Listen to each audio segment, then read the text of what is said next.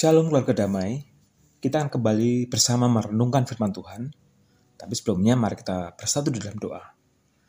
Terima kasih ya Tuhan untuk hari baru yang Engkau berikan kepada kami.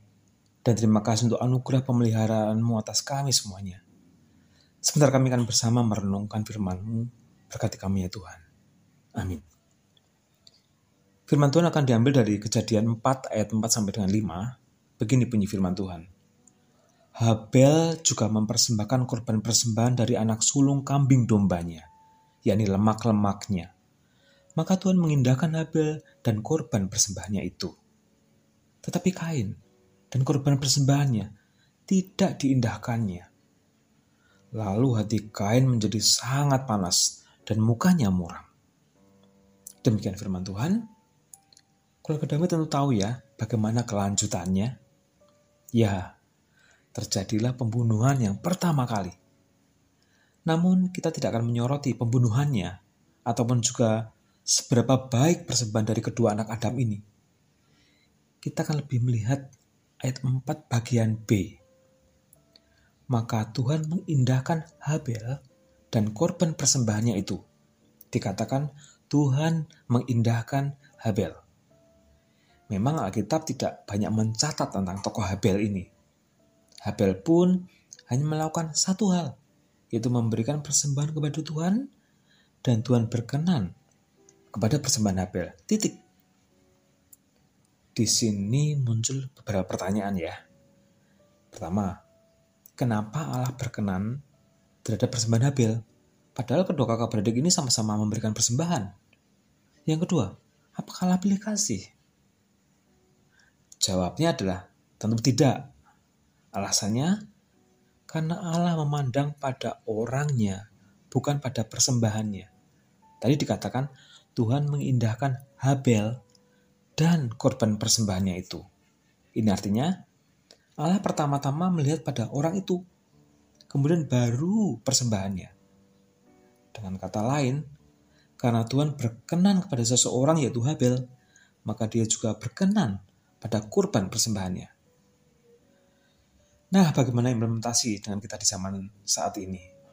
Kalau kita melihat perjanjian baru, ketika orang Farisi mencela Yesus karena dia sering makan bersama pemungut cukai dan orang berdosa, Yesus berkata di dalam Matius 9 ayat 13b, Yang ku kehendaki ialah belas kasihan dan bukan persembahan. Artinya, yang Yesus pedulikan adalah pribadi orang itu, baru persembahannya. Jadi Allah memandang pada kehidupan dan hati umatnya. Atau dengan kata lain, yang Allah perhatikan adalah orang yang memberikan persembahan itu. Allah tahu kan orang yang seperti apa. Itulah sebabnya Allah tidak berkenan kepada persembahannya. Demikian juga sebaliknya, Allah mengetahui hati Habel, mengetahui perilakunya. Dia seorang yang benar di mata Allah. Maka Allah berkenan dengan persembahannya. Sekarang untuk kita di zaman sekarang, persembahan seperti apa yang Allah kehendaki? Memang Allah mengendaki kita untuk mempersembahkan tubuh kita sebagai persembahan yang hidup. Itu waktu kita, pikiran, tenaga di dalam pelayanan-pelayanan kita. Namun perlu diingat bahwa Allah selalu melihat pribadi dan perilaku kita. Sehingga, plan seperti apa yang berkenan bagi Allah?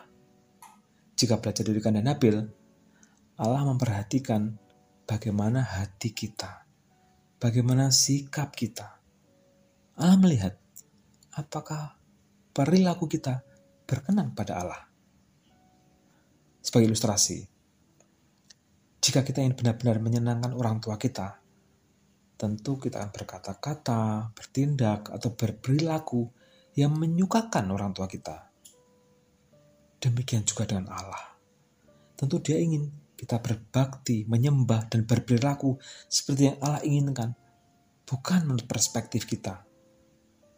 Dengan begitu, persembahan tubuh atau pelayanan kita berkenan dan menyukakan hati Allah. Mari kita berdoa.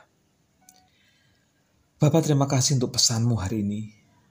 Ampuni kami jika dalam kami mempersembahkan termasuk pelayanan kami, kami masih berpusat pada diri kami dan kebutuhan ego kami. Bahkan lebih lagi niatan kami tidak murni melayani Engkau Raja di atas segala Raja. Tuhan tolong kami, supaya kami memiliki sikap dan perilaku yang seturut dengan kehendak-Mu. Sehingga Engkau pun berkenan atas persembahan pelayanan kami. Ya Tuhan, sertai dan bimbing kami di sepanjang hari ini, dan bawa kami di jalan-jalan yang seturut kehendak-Mu. Amin.